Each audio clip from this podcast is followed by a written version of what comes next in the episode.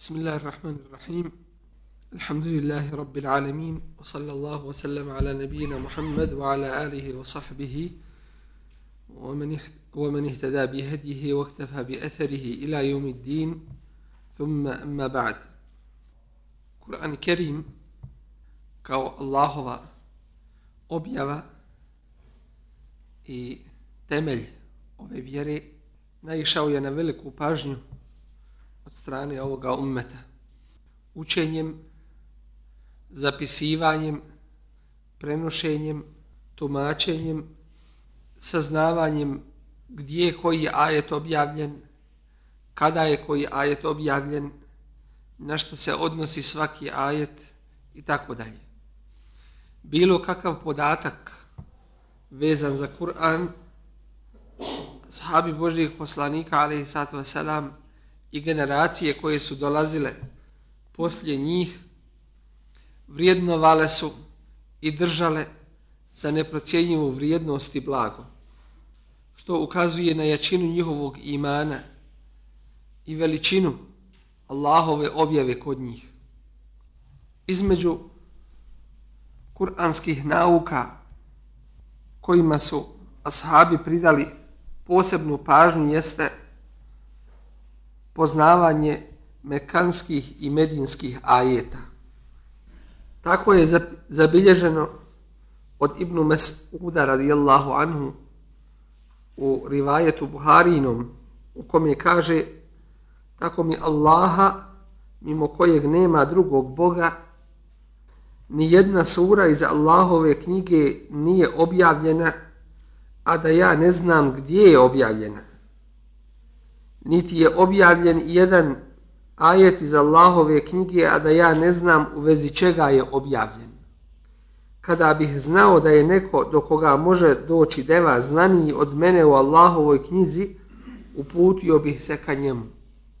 Boži poslanik, ali i sad vaselam, došavši u jednu sredinu koja je odbijala vjerovanje u teuhid, u Allahovu jednoću, koja je odbijala vjerovanje proživljenje poslije smrti, koji su s druge strane imali mnogo tih negativnosti u svome vjerovanju i radu, svakako je trebala da, se, da im se priđe na određeni način. Mi ćemo vidjeti kod mekanskih hajeta da se njihov stil razlikuje, da se značenja i tematika mekanskih hajeta razlikuje od medinskih. I mnogo tih razlika ćemo uočiti i ovdje ćemo ukratko obrazložiti koje su to koristi od poznavanja mekanskih od medinskih hajeta. Kao prvo, poznavanjem ovoga olakšavamo sebi tumačenje Kur'ana. Jer poznavanje mjesta objave pomaže razumijevanju ajeta i njegovom pravilnom tumačenju. Iako je pravilo da je pouka koja se uzima u općenitom značenju, a ne u povodu ajeta, osim u izuzetnim situacijama, mufesiri uz pomoć ovoga su u stanju kod različitih značenja dva ajeta da odrede derogirani ajet i onaj koji se derogira. Dakle, da odrede nasih i menzov ajet. Onaj koji ima snagu da se po njemu radi. Svakako onaj koji je zadnji objavljen, to je onaj koji derogira i to je onaj po kome se radi. Zatim poznavanje kuranskog stila koristi u davi jer za svako mjesto postoji određeni govor, kao što i određena situacija zahtijeva određeni govor. Specifičnost načina u mekanskim i medinskim ajetima u Koranu pomažu daji da sazna različite načine obraćanja ljudima. Na taj način daija posjeduje snagu koja osvaja srca onih koji, koje poziva i koji ga slušaju za svaki period postoje posebne teme i način obraćanja ljudima. Kao što se teme razlikuju ovisno od slušatelja i njihovih ubjeđenja i okoline u kojoj žive. Sve nam to postaje jasno kroz kuranska obraćanja vjernicima, mušricima, munaficima i sljedbenicima knjige Ehli Kitabijama u različitim periodima objave.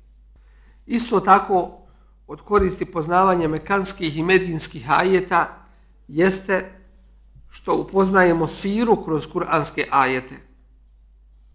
Jer ćemo vidjeti da Kur'an i Kerim svojim ajetima prati događaje koji su se dešavali u to vrijeme. Daje komentar na njih, usmjerava ih, usmjerava ashave, ukazuje šta je dobro, šta nije trebalo da se desi i tako dalje. Tako da kada čitamo istoriju primijetit ćemo da postoji određenih razilaženja među, među prenosiocima same sire.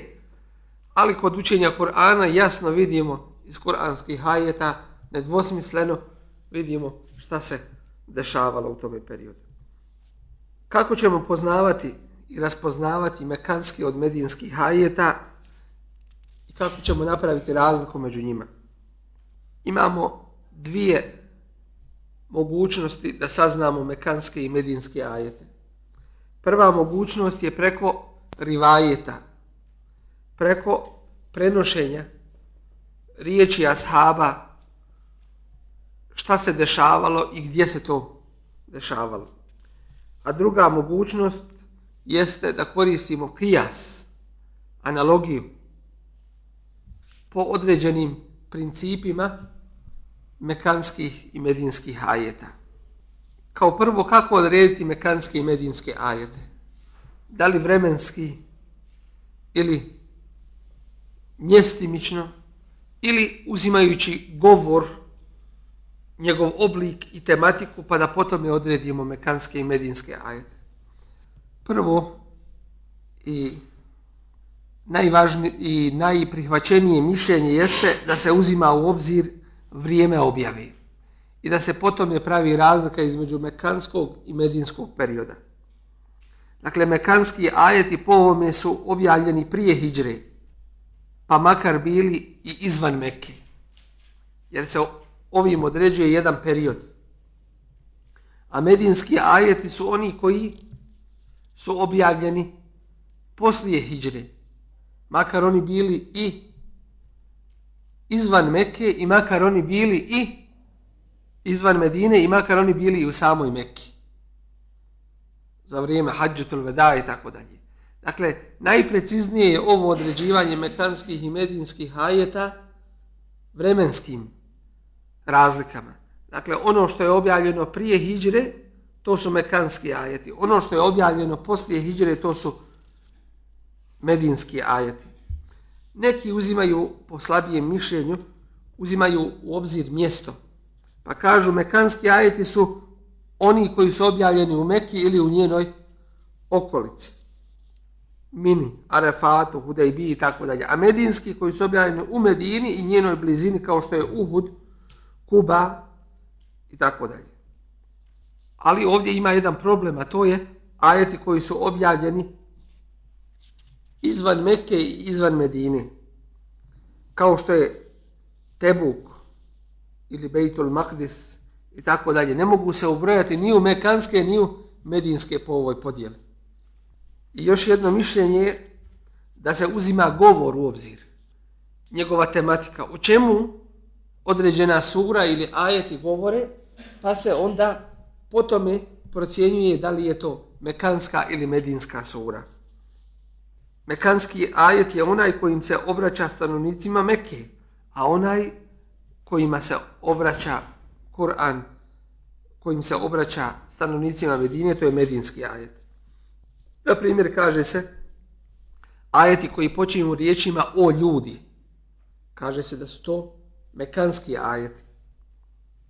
A oni ajeti kojima se obraća ljudima sa o vi koji vjerujete, ja i alladina amenu, da su to medinske ajete.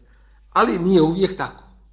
Mi ćemo naći i jednoga i drugoga i u mekanskim i u medinskim surama. Dakle, nije to ni neprikosnoveno. Naći ćemo, na primjer, u sura i Bekare, koja je nesumljivo najduža sura i sura objavljena u Medini, u kojoj Allah kaže Ja ejuhen nasu rabbekum alladhi halakakum o ljudi, obožavajte svoga gospodara koji vas je stvorio.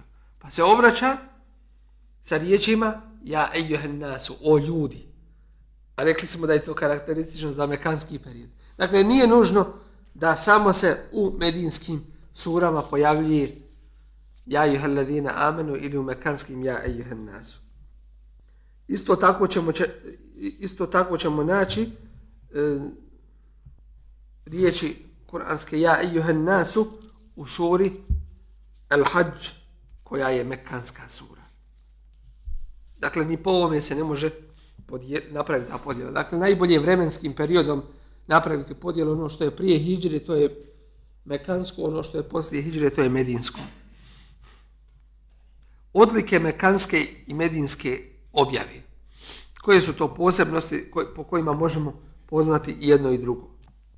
U osnovi se kaže svaka sura koja ima u sebi seđdu, to je mekanska sura. U kojoj se naređuje ibadet Allahu, fes džudu, pa učinite seđdu. Allahu, jer su činili seđdu mušici svojim kipovima. Dakle, svaka sura u kojoj ima seđda je mekanska sura. Dalje, svaka sura koja u sebi ima čestitu, česticu kella, a ova čestica njom se nijeće nešto što ljudi tvrde. Dakle, nije tako kao što ljudi govore.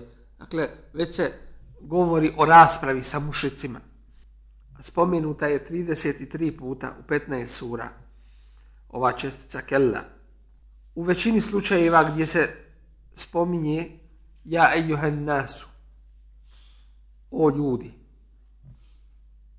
to je mekanska, osim sure El Hajj, koja ima ovu e, koja ima koja sadrži ovaj ajet. Svaka sura koja u sebi ima kazivanja o poslanicima i nestalim narodima je mekanska, osim sure i Bekari. Svaka sura koja u sebi ima kazivanje o Ademu i, i, i Blisu je mekanska, osim sure i Bekari svaka sura koja počinje alfabetom poput elif, lam, mim, elif, lam, ra, ha, mim je mekanska. Osim sure i Bekare i Ali Imran. A u pogledu sure i rad učenjaci se različili.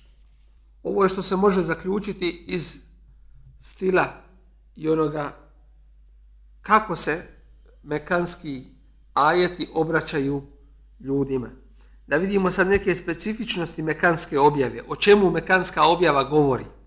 Svakako da govori o tevhidu Allahu, o Allahovoj jednoći i robovanju jedinom Allahu Đelešanu. Zatim potvrđuje objavu, potvrđuje proživljenje poslije smrti i nagradu i kaznu. Spominje sudnji dan i njegove, njegove strahote, vatru, džennet i džehennem, rasprave sa mušicima i tako dalje. Zatim ćemo naći u mekanskom periodu objave da se uspostavljaju opšti, opšte osnove zakonodavstva i moralnih vrijednosti na kojima se temelji jedna zajednica. Otkriva se u njoj nasilje nevjernika i njihovo prolijevanje krvi, bespravno jedenje i metka jetima i njihovi loši običaji. To ćemo sve naći u Mekanskoj objavi. Zatim, u Mekanskoj objavi nalazimo govor o Allahovim poslanicima. Jer su mušici u Mekki zanijekali poslanstvo Muhammeda sallallahu sallam, pa se na taj način dokazuje da je on jedan od poslanika u nizu onih koje je uzvišeni Allah poslao ljudima. Zatim ono što je specifično za mekanski period, da su tu ajeti kratki i nose u sebi duboko, duboko značenje, što navodi slušalca da obrati pažnju onome što mu se govori. Često ćemo u mekanskom periodu naći i zakletve. Dakle, uzvišenje Allah se zaklinje da bi ljudi prihvatili taj govor. Zašto? Jer oni u osnovi nisu vjerovali. Mi ćemo vidjeti tri načina tri načina upućivanja govora ljudima. Jedan je način kada se obraćaš onome koji niti sumnja, niti poriče to što mu hoćeš reći. Ali mu nedostaje taj podatak. Ne zna. U tom slučaju ćeš mu se običnim govorom obratiti. U drugom slučaju, ako čovjek ne zna, a uz to svoje znanje ima nekih sumnji, onda mu se dolazi sa pojačanjem govora. Inne sa'ata atijetu. Zaista će sudnji dan doći. Ima sumnji oko toga. U trećem slučaju, ako čovjek ne zna i sumnja, ima sumnji, dakle, i još pored toga raspravlja i ubijeđen je u nešto drugo. Sad to treba ubijeđenje njegovo razbiti. Onda se dolazi sa pojačanjima u govoru, onda se dolazi sa zakletvom i nečim drugim. Kao što kaže kuranski ajet, وَيَسْتَمْ بِعُنَكَ اَحَقُنْهُ I pitaju te za vijest, je li to istina? Je li to moguće da mi budemo proživljeni nakon smrti? Dakle, neznanje, sumnje i, i ismijavanje. Jer ismijavanje je najveći vid odbacivanja nečega. Je li to moguće? E, Hakunhu, je li to istina da će se desiti kad mi postanemo prah, kad postanemo zemlja i tako dalje, kad istruhnemo u zemlji? Pa šta im kaže uzvišeni Allah takvima? Kaže, kul reci im, i jeste svakako, ve rabbi tako mi gospodara moga, innehu, on je zaista le hakun, nikakve sumnje nema da je istina. Pogledajte te snage u govoru. Jeste, tako mi gospodara moga, nema nikakve sumnje da je to čista istina. Kako taj govor, treba da ga uzdrma da, da se promijeni. Iz ovoga vidimo kroz šta je Boži poslanik ali sad sam prolazio u raspravi sa mušicima, vidimo isto tako način dave, vidimo kako treba razgovarati, kako treba ljude mijenjati u njihovim postojećim ubjeđenjima. Šta možemo zaključiti u medinskoj objavi? Svaka sura koja u sebi nosi naredbe i kazne za određene prijestupe, medinska je. Jer znamo da u mekanskom periodu nema propisivanja zabra, naredbi, zabrana i tako dalje. Osim postavljanja onih osnovnih temelja da se pojasni ljudima šarijat. Imamo jedan ajet iz, mekanske, iz mekanskog perioda koji nam govori o određenim propisima. Taj ajet je u sura El Mutaffifin. Uzvišen Allah kaže Vajlu lil mutaffifin. Teško li se onima koji zakidaju? Alladine idektalu ala nasi jestavfun. وإذا idha أو au wazanuhum yuhsirun. Uzvišen Allah kaže teško li se onima koji zakidaju na vagi? koji kada od drugih uzimaju, dakle mjere sebi, uzmu u potpunosti svoj hak i svoje pravo. A kada drugom vagaju ili mjere, juhsirun, oni zakidaju. Zato nije propis. Znači, propis da se ne smije zakidat. Kako ga nalazimo u mekanskom periodu? Neko će postaviti pitanje, je li tako? Jer rekli smo u mekanskom periodu nema propisa. Upravo nalazimo to u mekanskom periodu zato što ga veže za akidu. Pogledajmo ajet koji kasnije dolazi. Ela je zunnu ulaike ennehum mev'uthun. Zar ne misle ti, takvi koji to rade, da će biti proživljeni? Jer mušici u Meki nisu, neki nisu vjerovali u proživljenje. Pa mu to dvoje spaja. Prvo, kod svih ljudi je priznato da zakidanje ne valja. Ne valja. I onda preko toga, pogledajmo mudrosti dave, prelazi u vjerovanje proživljenja poslije smrti. Uđeš s njim u taj, u, na isti nivo razgovora, a onda mu kaže, a to što ti radiš, to ne valja. Kada on prizna da si ti u pravu, kažeš mu, vidite, ovo ne valja što se radi, on će reći, tako je, to ne valja. A zar ti ljudi ne misle da će biti proživljeni? A taj koga sluša, nije ne vjeruje da će biti proživljen. Pa će reći, e, pa istina da proživljenje. Dakle, veže nekada propise u mekanskom periodu da bi se došlo do priznavanja akaidskih pitanja. Svaka sura u kojoj se spominju munafici je medinska. Osim sure El Ankebut koja je mekanska. Nekad ćemo naći da je cijela sura mekanska ili medinska. A nekada ćemo naći da je sura mekanska, a u njoj ima medinski hajeta. Ili da je medinska, a u njoj ima mekanski hajeta. Kako to? Jer nisu uvijek sure objavljivane odjednom. I drugo, ajeti su nekada objavljivani po ajet, po dva, po tri, po skupina ajeta, tako da je Boži poslanik, ali i sato selam, rekao ljudima koji su zapisivali vahi, tu taj i taj ajet stavite u tu i tu suru. Dakle, nakon toga ajeta. Dakle, tačno im je određivo gdje će staviti koji ajet nakon objave. Redoslijed ajeta nesumnjivo je od uzvišnog Allaha tabaraka wa ta'ala vahjom određen i preciziran. Svaka sura u kojoj se raspravlja sa sljedbenicima knjige je medinska sura. Jer u Mekki nemamo ehli kitabija. Već su oni u Medini. Ali ćemo primijetiti, kad gledamo kontinuitet objave, primijetit ćemo da sura Jusuf, na primjer, sura Jusuf je objavljena na kraju mekanskog perioda. I na nju se odnosi ono, ono što smo spomenuli za mekanski period. Da govori o Allahovom poslaniku, o događajima prije i tako dalje. Ali pogledajmo tematiku sura Jusuf, na primjer. Ona govori o kome? O Benu Israilu, o Izraeličanima.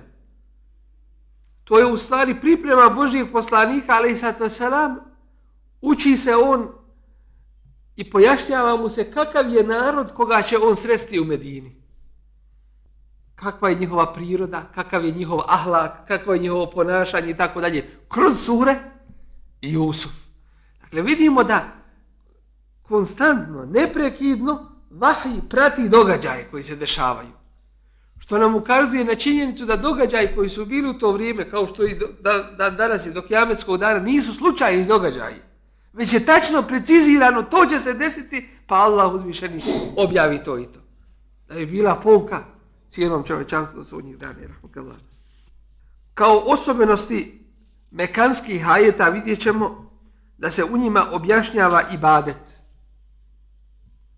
medinskih hajeta, da se u njima objašnjava ibadet, međuljudski odnosi, bračno i nasljedno pravo, vrijednosti džihada, društveni odnosi, međunarodne veze u miru i u ratu, propisi vlasti i pitanja o zakonodavstvu. Sve to nalazimo u medinskom periodu. Zatim se obraća sljedbenicima knjige i, poziv, i upućuje im poziv u islam. Objašnjava im njihovo udaljavanje od istine iskrivljavanje Allahove knjige koja im je objavljena. I govori im o njihovom razilaženju u onome što im je došlo od istine. Zatim ćemo naći u medijinskom periodu objašnjavanje osobina munafika i analizu njihovog duševnog stanja, te otkrivanje njihovih spletki i ukazivanje na njihovu opasnost po društvu. U medijinskom periodu ćemo naći dugačke ajete koji pojašnjavaju šarijatske propise i objašnjavaju njihove ciljeve. Poznavanjem dakle, mekanskog i medinskog perioda okoristit ćemo se kako u poznavanju sire, poznavanju šarijatskih propisa, šta je derogirano, šta je ono što derogira određene ajete, upoznaćemo siru i mnogo tih koristi ćemo vidjeti od poznavanja mekanskih i medinskih ajeta. Imamo drugu jednu nauku vezanu za Kur'an koja se zove esbabu nuzul, povodi objave. Islam je utemeljen na dva osnovna principa, a to je dželbul mesalih wa darul mefasid. Čovjeku da donese korist i da od čovjeka odbaci sve vidove štete. Kur'an je objavljen da bi izveo ljude na pravi put i da bi zasnovao zajednicu na temeljima imana na temeljima imana u Allaha i ono što se objavljuje. Kur'an potvrđuje događaje iz prošlosti, govori nam o sadašnjosti i o, budu, i o budućnosti. Većina kuranskih ajeta su objavljeni ovim povodom.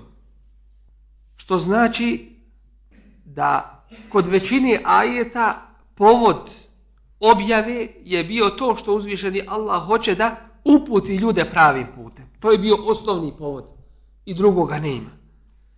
Što ne znači da svaki ajet ima poseban povod objave, nešto se moralo desiti pa je ajet objavljen. Ili neko je nešto pitao pa je ajet objavljen. Takav broj, broj takvih ajeta je puno manji. Dakle, većina Kur'ana je objavljena ovim opštim povodom. A opšti povod je to što uzviše Allah hoće ljudima da ukaže na, na pravi put i da ih pouči principima ove vjere.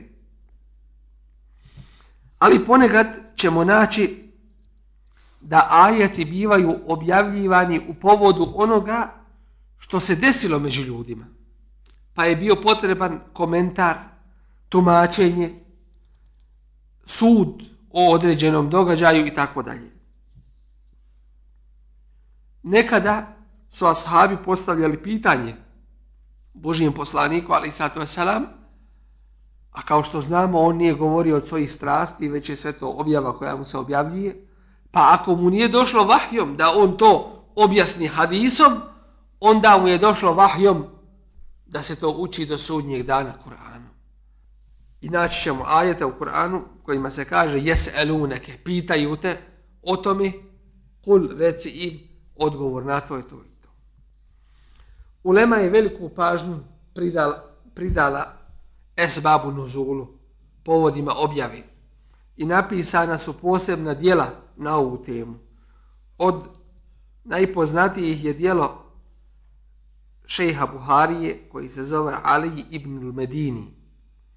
Zatim ćemo naći dijelo koje je napisao El Vahidi, zatim Ibn Hajar El Askalani, zatim Es-Sujuti i mnogi drugi.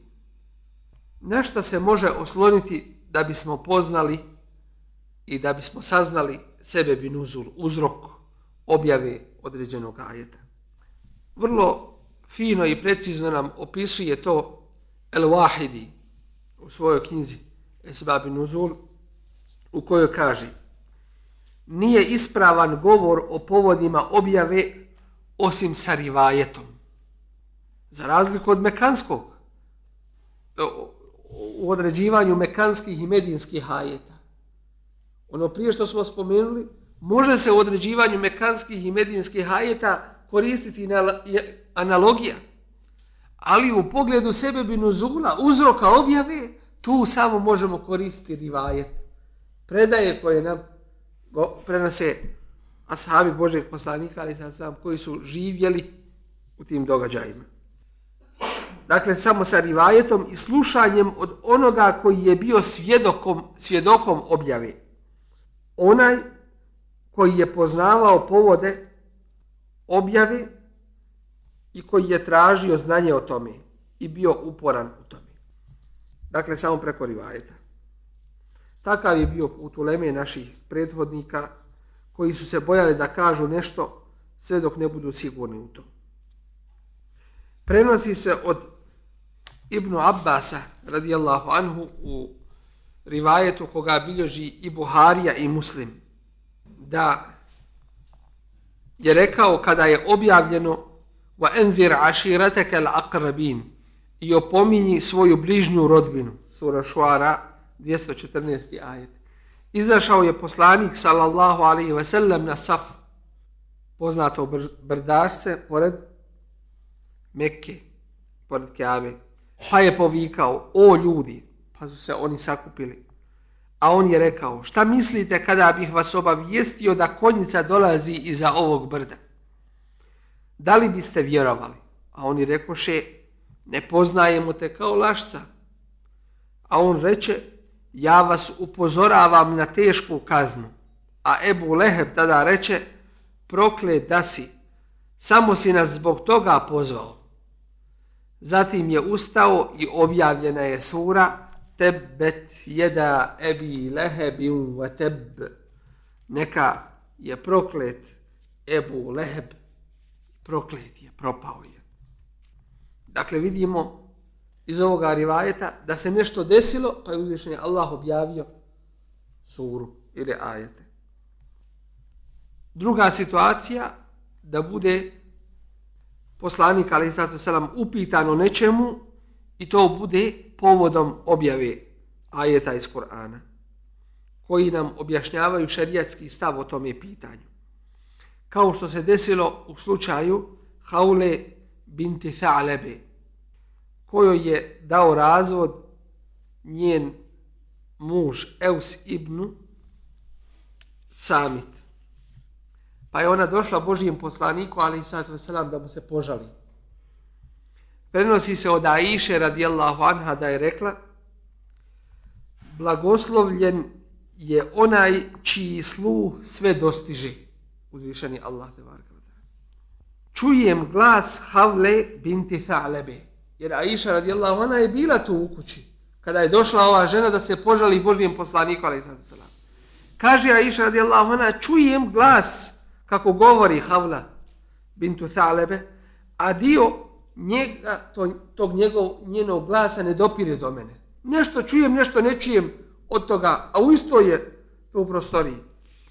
A nešto ne čujem od njenog govora. A ona se žalila na svoga muža Allahovom poslaniku, sallallahu alaihi ve sellem. I rekla, o, Resulul, o Resulullah, uništio je mo, moju mladost. A kada sam ostarila i postala nerotkinja, on me je otpustio. Bože, ja se tebi žalim. Boži je poslanik, ali sad se selam, nije joj mogao dati tada odgovor. Jer mu o tome vahij nije došao. Samo što se to desilo, kad dođe Džibril sa ovim riječima, dakle vahi dođe Božijem poslaniku, ali sad selam. Kad سمع Allahu قول التي تجادلك fi زوجها wa إلى ila Allah, wallahu تحاوركما tahawurakuma. Allah je čuo riječi one koja se s tobom o mužu svome raspravljena koja se žalila Allahu, a Allah čuje vaš razgovor. Tvoja Iša radijallahu anha kaže, bila sam u istoj prostorili i nisam sve čula šta ona govori. A neka je uzvišen i blagosloven i slavljen onaj koji je iznad sedam nebesa čuo tu ženu koja se žalila Božije poslaniku, ali i sato salam, na tu svoju tešku situaciju, pa uzvišen je Allah objavljuje ove ajete. Koje su koristi poznavanja sebe binuzula, povoda objavi? Kao prvo, u poznavanju povoda objave naći ćemo objašnjenje mudrosti koja je dovela do propisivanja određenog propisa. Zašto je nešto propisano? Ispoznaćemo brižnost šarijata u pogledu općih interesa u liječenju društvenih bolesti i u svemu, tome je Allahova želešanuhu milost prema ummetu.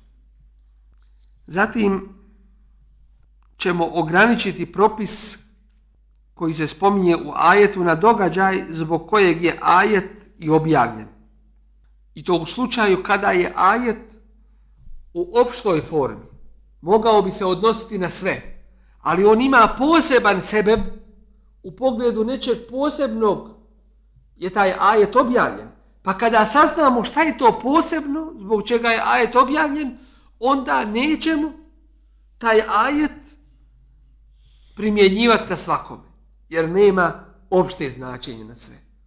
Dakle, pomoćemo se u tome u poznavanju povoda objave da ograničimo određeni propis samo na određeni događaj. Da taj propis nema opšte značenje. Kao primjer toga imamo kuranski ajet u suri Ali Imran 188. ajet. La tahsebenna alladhina jefrahuna bima etav wa yuhibbuna en yuhmadu bima lam jef'alu fela tahsebennahum bimafazetim min al-adabi wa lahum adabun alim. Ne misli nikako da će oni koje veseli ono što rade i kojima je drago da budu pohvaljeni i za ono što nisu učinili, nikako ne misli da će se kazne spasiti. Njih čeka teš, teška kazna. Prenosi se da je Mervan rekao svome slugi, o Rafiju, idi Abdullah ibn Abbasu i reci mu, kada bi se svaki čovjek veselio onim što mu je dato i kada bi volio da se hvali onim što nije uradio, svi bi mi bili kažnjeni. Dakle, po ovom je ajeto kako shvatamo, da će svi ljudi biti kažnjeni koji se veseli onome što im bude dato i koji vole da budu pohvaljeni za ono što nisu uradili. Ali ovaj ajet ima svoj poseban sebe, tako da se on ne odnosi na sve ljude. Kaže Abdullah ibn Abbas kao najveći učenjak ovoga ummeta, kom je Božji poslanik, ali sad sam dovu proučio i rekao Allahumma faqihu fi dini wa allimu ta'wil. Bože, nauči ga, pouči ga vjeri, shvatanju vjere i daj mu znanje tumačenja Kur'ana. Kaže Abdullah ibn Abbas, vi ne imate ništa s ovim ajetom koji je objavljen o kršćanima. A zatim je proučio ajet A kada je Allah uzeo obavezu od onih kojima je knjiga data, da će sigurno ljudima objašnjavati da neće ništa iz nje kriti. Ali Imran 187. ajet dakle, prethodni ajet. وَإِذَا خَذَ اللَّهُ مِيثَاقَ الَّذِينَ أُوتُوا الْكِتَابَ لَتُبَيِّنُنَّهُ لِلنَّاسِ وَلَا تَكْتُمُونَ Pa kaže Ibn Abbas o ovom ajetu. Pitao ih je Resulullah sallallahu alaihi ve sellem o nečemu, pa su oni skrili to od njega. A ukazivali su na nešto drugo. Otišli su nakon što su mu odgovorili na ono što ih je pitao, te su tražili da ih pohvali i veselili su se onim što su uradili skrivši ono što ih je pitao. Dakle, ovaj ajet se ne odnosi na sve ljude, nema opšte značenje, već je objavljen o kršćanima, ima poseban povod i samo se na to odnosi. I na samo takve situacije. Treće, kada ajet ukazuje na jedno opšte značenje onoga što je objavljeno, ali imamo dokaz koji to ograničava. U tom slučaju poznavanje povoda objave ukazuje nam na stvarno značenje ajeta. Kuranski ajet iz sure En-Nur od 23. do 25. ajeta. Govor je o onima koji su potvorili Aishu radijallahu anha. Dakle, sad imamo jednu drugu situaciju. Ajet ima opšte značenje. Ali, u ovom slučaju postoji dokaz koji taj ajet ograničava. Na posebnu situaciju, na posebnu, na posebnu oseb, osobu. Uzvišeni Allah kaže Inna alladhina yarmuna al-muhsanati al-ghafilati al-mu'minati lu'inu fi dunya wal-akhirah wa lahum 'adhabun 'azim. يوم تشهد عليهم ألسنتهم وأيديهم وأرجلهم بما كانوا يعملون يومئذ يوفيهم الله دينهم الحق ويعلمون أن الله هو الحق المبين Oni koji okrive čestite bezazlene vjernice, neka budu prokleti na ovom i na onom svijetu. Njih čeka patnja nesnosna na dan kada protiv njih budu svjedočili jezici njihovi i ruke njihove i noge njihove za ono što su radili. Tog dana će ih, kazna, će ih kazniti kaznom koju su zaslužili i oni će saznati da je Allah doista oličena istina. Ovaj ajet je objavljen o Aiši radijallahu anha i o ženama Božijeg poslanika sallallahu alaihi ve sellem. Prenosi se od Abdullah ibn Abbas radijallahu anhu da je rekao Inna allazina yarmuna al-muhsanati ajet oni koji objede čestite, bezazlene vjernice objavljen je o Aiši samo. Također se prenosi od Ibnu Abbasa da je ovaj ajet objavljen o Aiši i o ostalim poslanikovim sallallahu alaihi ve sellem ženama. I ko to uradi, dakle ko ih objedi, ko optužbu na njih iznese, na Išu ili na bilo koju od žena Božijeg poslanika ali sad selam, Allah mu ne pruža mogućnost te obe a onaj koji okrivi neku drugu ženu mimo poslanikovih žena ima mogućnost te obe. Dakle, poznavanjem sebe binuzula ovih hajeta vidjet ćemo da je on ograničen samo na optužbu a iže radijallahu ona i ostali žena Božeg poslanika. I da onaj ko to učini nema mogućnost te obe nakon ovoga, što je najžešća kazna nakon što mu je ovo objašnjeno.